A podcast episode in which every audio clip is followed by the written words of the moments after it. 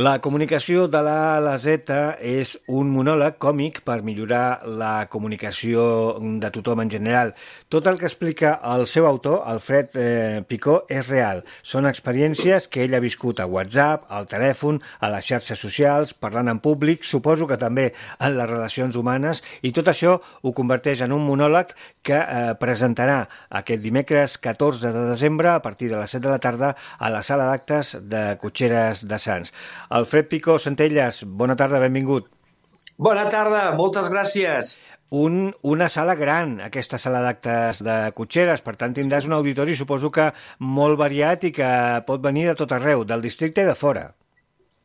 Sí, és un repte, és un, un, un gran repte poder omplir la, la sala d'actes de Cotxeres, que com bé dius és una sala molt gran i per tant doncs, la meva il·lusió és que, per descomptat, vingui la gent del, del nostre barri, de Sants, d'Ostafrancs, de la Bordeta, però també que vingui gent de, de la ciutat, perquè penso que ens ho passarem bé, és un monòleg còmic, i toca un tema que ja saps que a mi m'encanta, que és un tema que m'encanta i que em preocupa, com és el món de la comunicació. El món de la comunicació, en una iniciativa, recordem-ho, que eh, parteix del Secretariat d'Entitats de Sants, Ostafrancs i la Bordeta. Ja vas fer per encàrrec de la, del Secretariat eh, fa alguns mesos una xerrada dedicada llavors específicament a entitats per millorar les seves eh, capacitats de comunicació, per sortir a vegades de l'anonimat que representa tanta feina de voluntariat callada i que sovint passa inadvertida.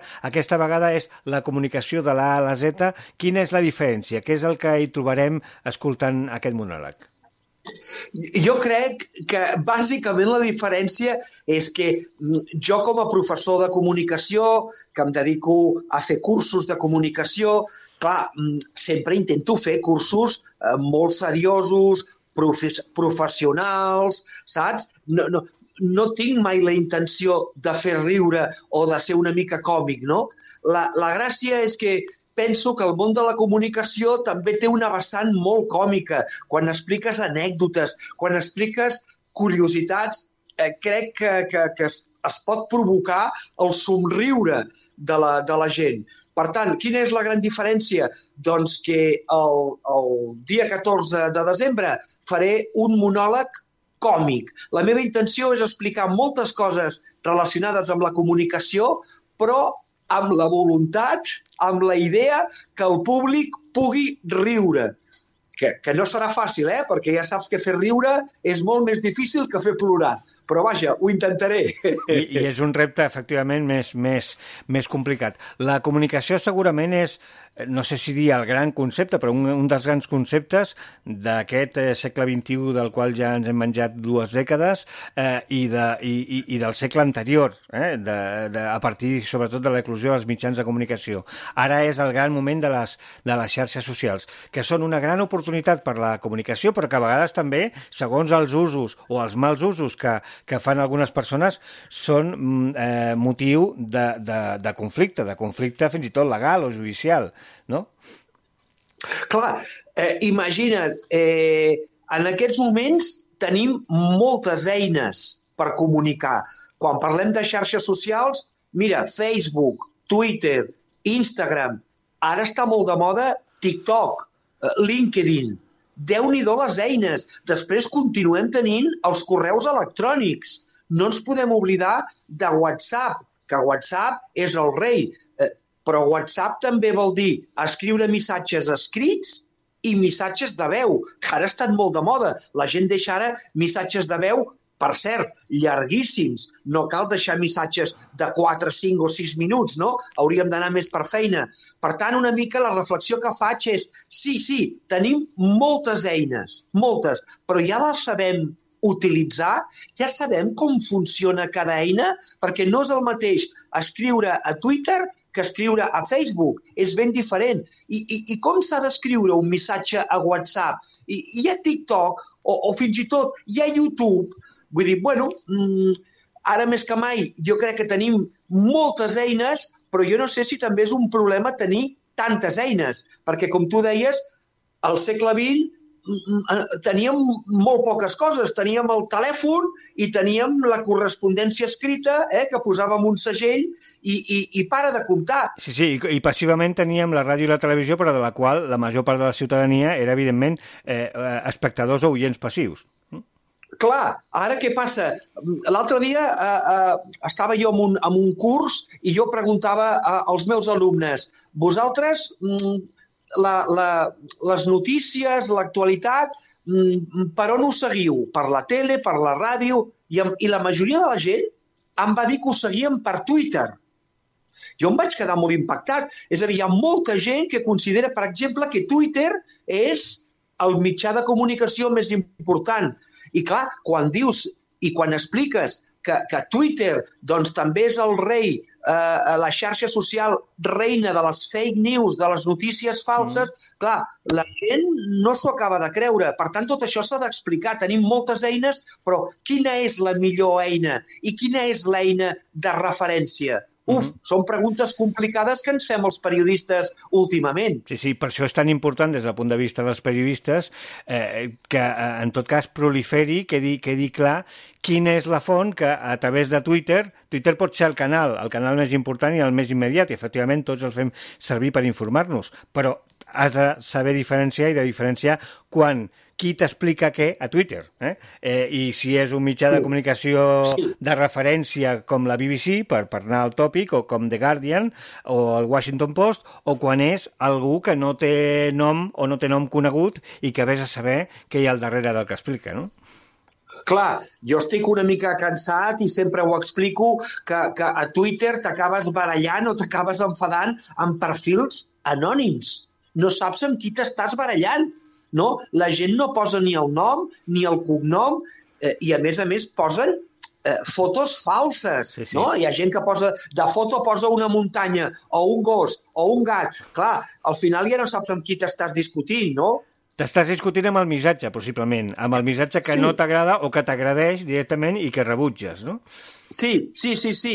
Clar, jo crec que hi ha mm, molts temes, no? Un és aquest, eh, Eh, quins, quines eines són les més correctes per, per estar al dia, per informar-te.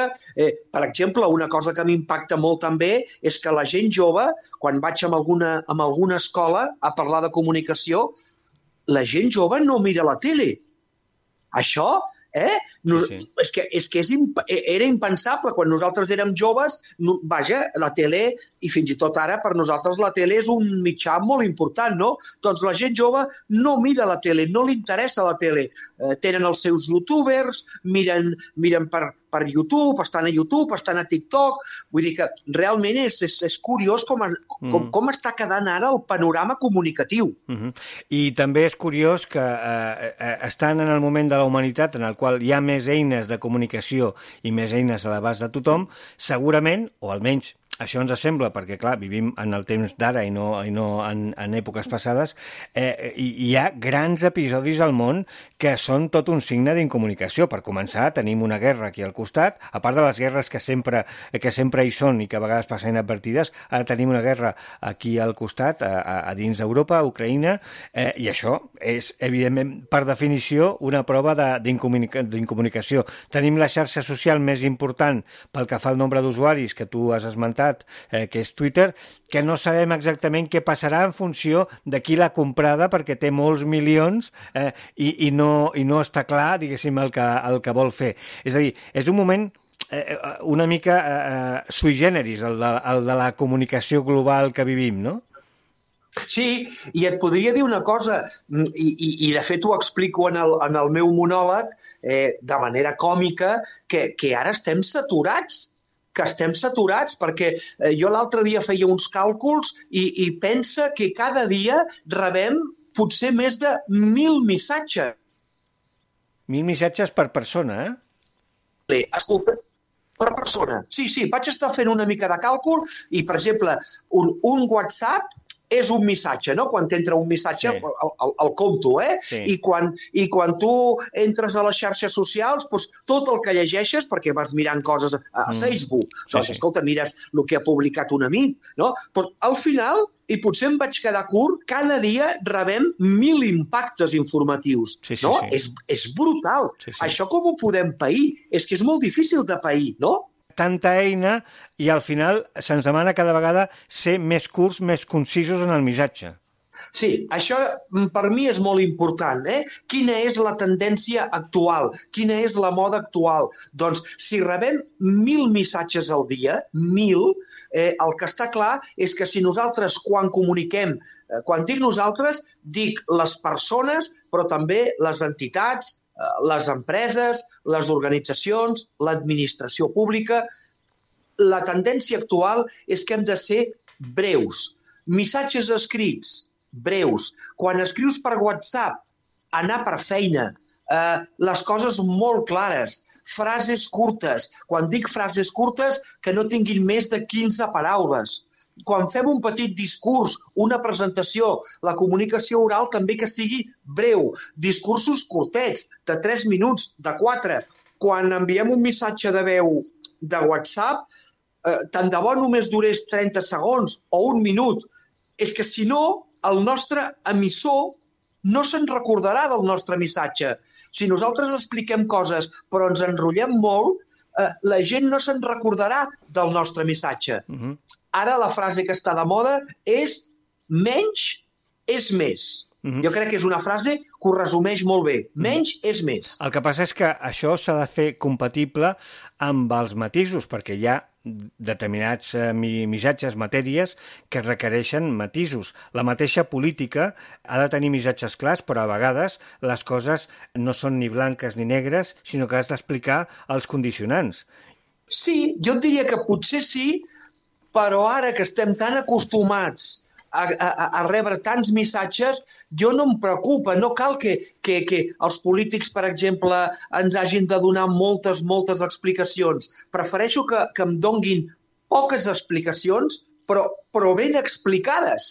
Prefereixo que em diguin, Alfred, tres coses que has de saber sobre determinat problema. Tres, doncs molt bé, el que no vull és grans rotllos que m'expliquin moltes i moltes coses i al final potser jo m'atabalo.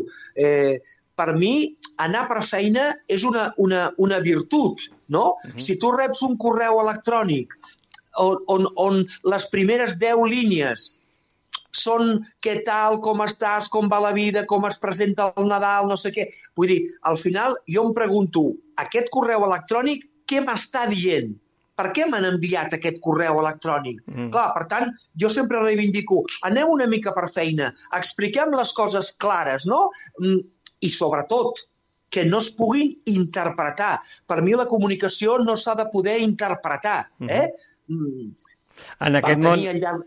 en aquest món del missatge curt i del missatge a vegades de, de, de text escrit, també del missatge de veu, però sobretot en el missatge de text escrit eh, eh, hi ha un element important que és eh, com graduar el to. És a dir, eh, per això les emoticones ens poden ajudar molt, no? Perquè a vegades pots dir la mateixa cosa i segons com ho rebi l'altra persona es pot enfadar o molestar eh, eh, i no era la teva intenció. Eh, aquí les emoticones juguen un paper, eh?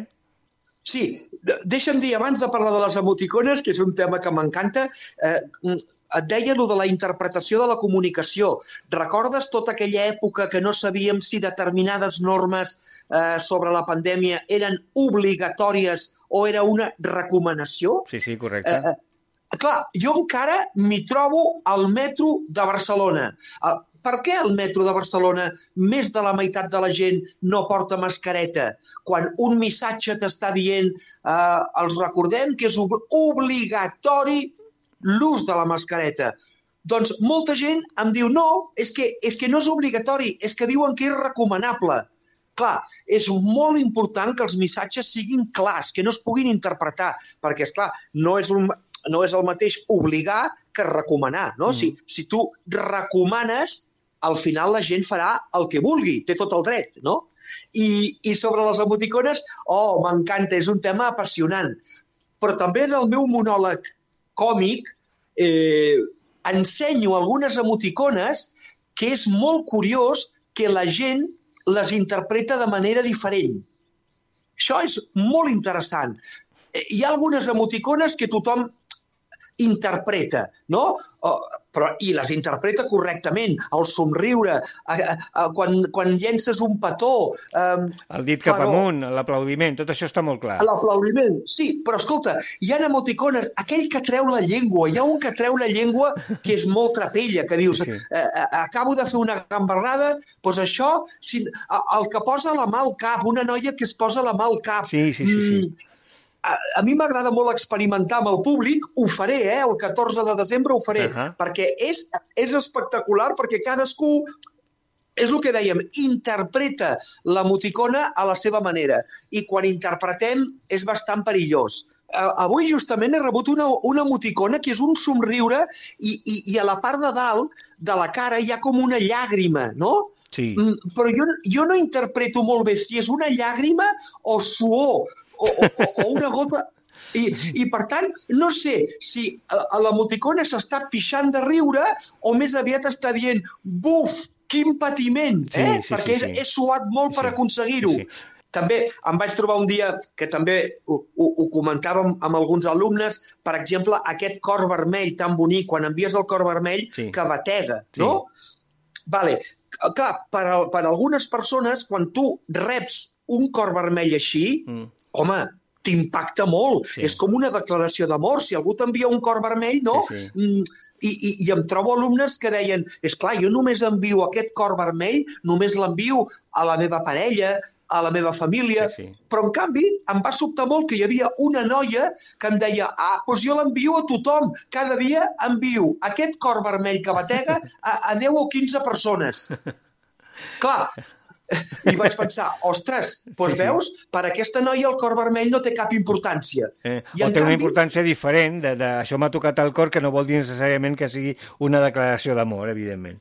Cur, aquí, aquí, aquí anem, aquí anem, perquè em va dir, hi ha un noi que li vaig enviar aquest cor vermell que batega a pensar que potser jo, no sé, jo li agradava, no? Tot això amb exemples pràctics i amb eh, eh, anècdotes reals teves o, o, o de referència de, de persones que t'ho hagin explicat tindrà cabuda aquest 14 de desembre, dimecres, a les 7 de la tarda, a partir de les 7 de la tarda, a la sala d'actes de Cotxeres de Sants. Eh, serà el monòleg Comunicació de la a la Z a càrrec d'Alfred Picó, periodista, professor de comunicació, amic i company de fa molts anys, que ha sigut un plaer eh, compartir conversa amb ell en aquests darrers minuts. Alfred, moltes gràcies. Moltes gràcies a tu, a Ràdio Estafrancs, i només per acabar, que jo crec que això està molt bé dir-ho, l'entrada és gratuïta, per tant, no hi ha problema amb aquest tema, entrada gratuïta i per tots els públics. Encara que ara hem tingut doncs, una, una conversa que en alguns moments doncs, era una mica intel·lectual, no? doncs el monòleg que, que ningú pateixi, que és per totes les edats, per tots els públics i tothom serà molt benvingut. Per tant, si dimecres 14, aprofitant que, que passegeu per l'eix Creu Coberta Sants per fer les compres de Nadal, doncs dediqueu una hora i mitja, aproximadament una hora i quart, no?, Alfred, a, a escoltar aquest monòleg a partir de les sí. 7 de la tarda. Efectivament, estarem en, eh, en campanya de Nadal, es poden fer unes quantes compres i a les 7, escolta, una paradeta ja a la sala, a la sala d'actes. Allà us espero, és una sala molt maca, molt gran, molt còmoda, ens ho passarem molt bé. Gràcies, Alfred, i molt bona sort, bon Nadal i que vagi molt bé aquest monòleg, la comunicació de la A a la Z. Una abraçada molt forta a tots els oients de Ràdio Estafrans.